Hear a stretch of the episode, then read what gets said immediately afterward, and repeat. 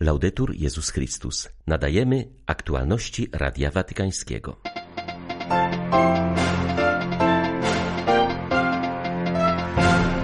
Rynek i zysk to moloch pożerający nowe pokolenia, powiedział papież w przesłaniu do amerykańskich sędziów. Francja sięgnęła dna, stała się państwem totalitarnym. Tymi słowami zareagował arcybiskup Michel Petit na decyzję Senatu o wpisaniu aborcji do konstytucji bez uszanowania wolności pracowników służby zdrowia. Ormianie w Górskim Karabachu padli ofiarą obojętności świata, mówi ormiański patriarcha Celicji. Dodaje jednak, że jego naród przegrał co prawda bitwę, ale nie wojnę. 29 lutego wita Państwa Krzysztof Bronk. Zapraszam na serwis informacyjny. Bóg rynek i bogini zysk to fałszywe bożki, które wiodą nas ku dehumanizacji oraz zniszczeniu naszej planety. Taki bolesny stan współczesności przedstawia papież w przesłaniu wideo do Panamerykańskiego Komitetu Sędziów na rzecz praw socjalnych i doktryny franciszkańskiej w Argentynie. W filmie przygotowanym z okazji inauguracji nowej siedziby organizacji Ojciec Święty podkreśla, iż wspomniane rynek i zysk są molochem pożerającym dopiero co urodzone pokolenia. W obliczu takiej sytuacji papież zaznacza fundamentalny charakter posługi pracowników sądów i kancelarii prawniczych. Vivimos épocas de tanta injusticia. Żyjemy w czasach ogromnej niesprawiedliwości. Kilku bogatych staje się coraz potężniejszych, a miliony biednych są negowane i odrzucane. Nie ma przyszłości, nie ma rozwoju, nie ma sprawiedliwości ani demokracji. W świecie, gdzie miliony dzieci codziennie jedzą tylko odpady po tych, którzy konsumują dobra. Prawa socjalne nie są darmowe.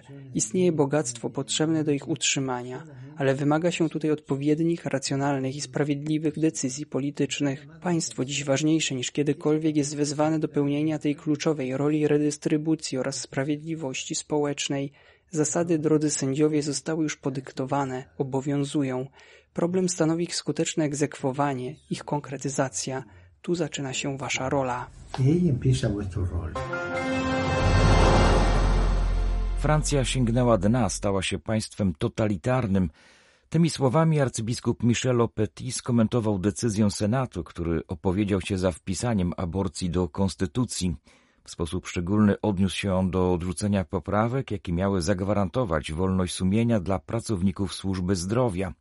Prawo bierze górę nad sumieniem i zmusza do zadawania śmierci, dodał były arcybiskup Paryża, który zanim wstąpił do seminarium przez 12 lat był lekarzem. Wpisanie aborcji do konstytucji to postulat prezydenta Macrona. Stosowna ustawa została przyjęta już pod koniec stycznia przez Zgromadzenie Narodowe. Wczoraj wieczorem popadli ją również senatorzy. Dla zmiany konstytucji potrzeba poparcia trzech piątych obu izb parlamentu. Ich wspólne zgromadzenie zostało zwołane do Wersalu na 4 marca. Chodzi o to, by prezydent mógł uroczyście ratyfikować aborcję w Konstytucji już 8 marca w Międzynarodowy Dzień Kobiet. Z całego serca wzywamy do lepszego zagwarantowania i promowania praw kobiety, ale aborcja, która rzadko jest całkowicie wolnym wyborem, nie może być rozumiana wyłącznie w kategoriach praw kobiet, powiedział arcybiskup Eric de Moulin-Beaufort, przewodniczący konferencji episkopatu Francji. Miejscowy kościół zdecydowanie sprzeciwiał się prezydenckiej inicjatywie. Do obrony każdego życia wzywał też papież Franciszek podczas swej wizyty we Francji we wrześniu ubiegłego roku. Brytyjski rząd uruchomił specjalny, darmowy program dla rodziców zmagających się z cierpieniem po utracie dziecka w trakcie ciąży. Będą mogli otrzymać zaświadczenie będące formalnym potwierdzeniem istnienia ich dziecka. Z rozmów i badań wynika, że jest to decyzja, której oczekiwało tysiące matek i ojców. Chodzi o tych, którzy doświadczyli utraty dziecka przed 24 tygodniem ciąży. Ta zakończyła się 1 września 2018 roku lub później. Mieszkali wtedy w Anglii i są co najmniej jednym z rodziców dziecka. Zaświadczenia będzie wydawał każdy publiczny ośrodek zdrowia, a wszelkie potrzebne informacje znaleźć można na stronach rządu. Biskup John Sherrington, odpowiedzialny w episkopacie za kwestie ochrony życia, pozytywnie skomentował rządową decyzję. Podkreślił, iż jest to uznanie człowieczeństwa i godności każdego dziecka w łonie matki. Poronienie przed 24 tygodniem życia dziecka To najczęstsze powikłanie ciąży w Wielkiej Brytanii. Doświadcza go jedna na pięć kobiet. Jak powiedziała w rozmowie z BBC Kate Poulton z Warwickshire, bez względu na to, jak długo byłaś w ciąży, nadal jest to dziecko, które straciłaś, a ta kartka papieru udowadnia, że w ogóle istniało. Mówi Maria Caulfield, odpowiedzialna w rządzie za realizację strategii na rzecz zdrowia kobiet. Prowadziliśmy rozmowy z tysiącami rodziców o tym, że nigdzie nie mogą odnotować istnienia swojego dziecka i że jest to dla nich bardzo bolesne. Rozmawiałam z 70-letnimi i nawet starszymi kobietami wciąż pamiętającymi o dziecku, które straciły wiele lat temu. Tak samo ich ojcowie. Zaświadczenie nie uśmierza bólu ani żalu, ale stanowi uznanie utraconego życia dziecka, które do tej pory formalnie nie istniało. Dla Radia Watykańskiego Elżbieta Sobolewska-Farbotko, Radio Bobola, Londyn. Jesteśmy wdzięczni papieżowi za spotkanie i pragnę podkreślić jego wezwanie do bycia blisko naszego ludu. Już wcześniej każdy z duchownych naszej wspólnoty traktował jako osobiste powołanie. Tak o wczorajszym przyjęciu przez Franciszka członków synodu ormiańsko-katolickiego patriarchatu Celicji mówi sam patriarcha Rafael Bedros Minasian. W wywiadzie dla Radia Watykańskiego zaznacza nakierowanie jego kościoła na Chrystusa pośród licznych cierpień doświadczanych przez ormiański naród. Odniósł się on innymi do papieskiego przypomnienia o uchodźcach z Górskiego Karabachu, którzy uciekli stamtąd po zdobyciu regionu przez Azerbejdżan we wrześniu ubiegłego roku.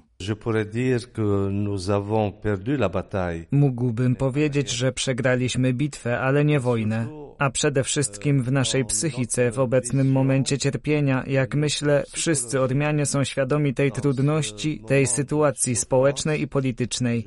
Niestety nasz naród padł ofiarą globalnego braku świadomości polityków i światowej polityki. Cierpi dziś nie tylko Armenia, ale cały świat. Wystarczy spojrzeć na wojny toczące się na każdym polu i w każdym kraju oraz na ludzi, którzy ponoszą ich konsekwencje. Tym niemniej ormiański patriarcha ma również nadzieję na lepszą przyszłość.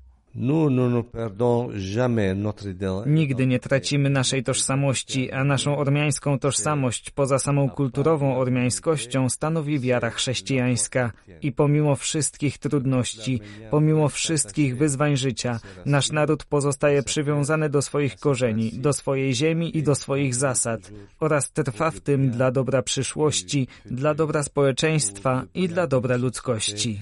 Et pour le bien de l'humanité.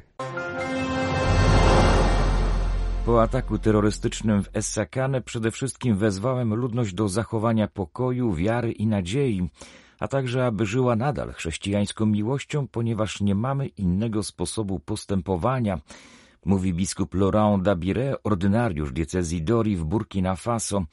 Jak zaznacza, przeprowadził on krótkie dochodzenie, zbierając informacje na temat zamachu.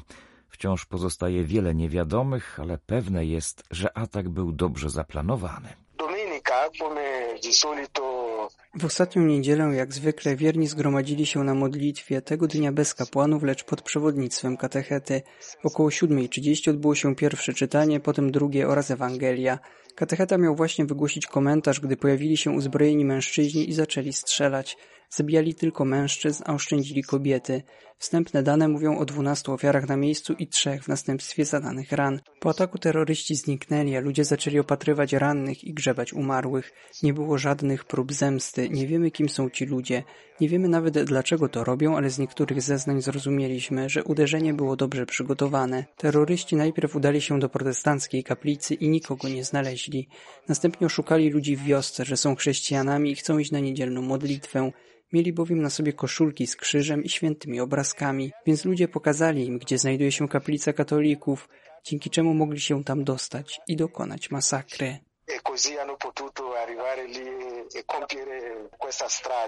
Przewodniczący konferencji episkopatu Burkina Faso i Nigru, zapytany dlaczego ofiarą padli wyznawcy Chrystusa, wskazuje, że motywacją nie jest nienawiść do chrześcijan jako takich, czego dowodzi przeprowadzenie tego samego dnia ataku na meczet.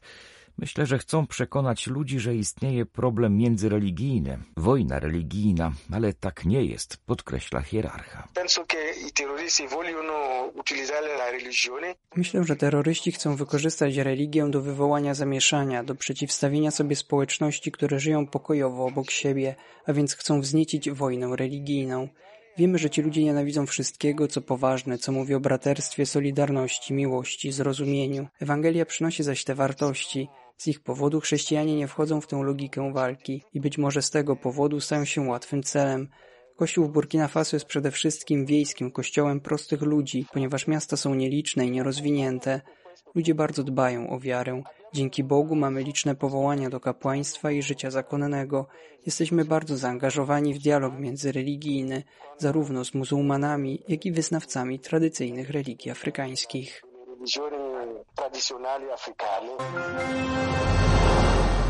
Norwegia rozpoczęła przygotowania do tysiąclecia męczeńskiej śmierci świętego Olafa.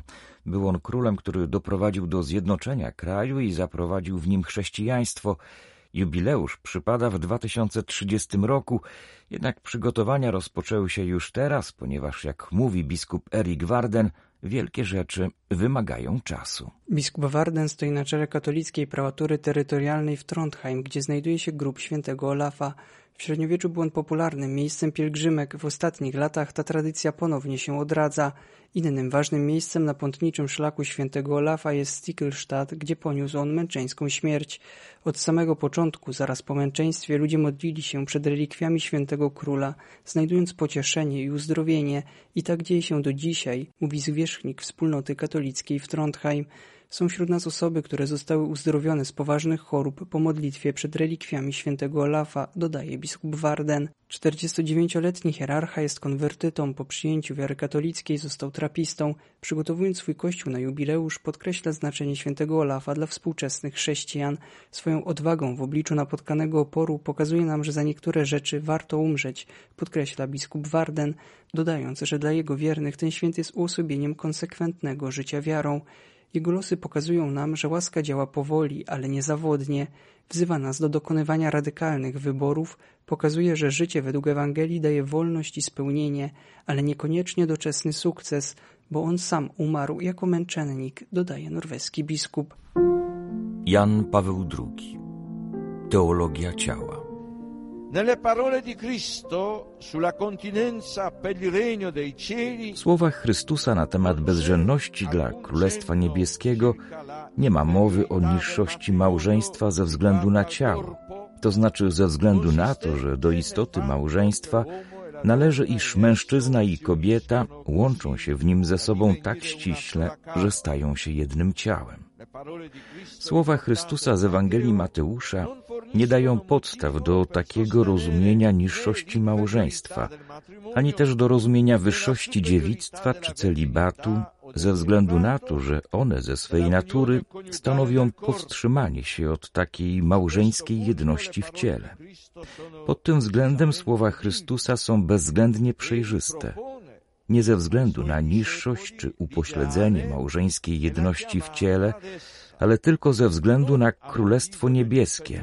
Pozostawia on swoim uczniom ideał bezżenności i wezwanie do niej.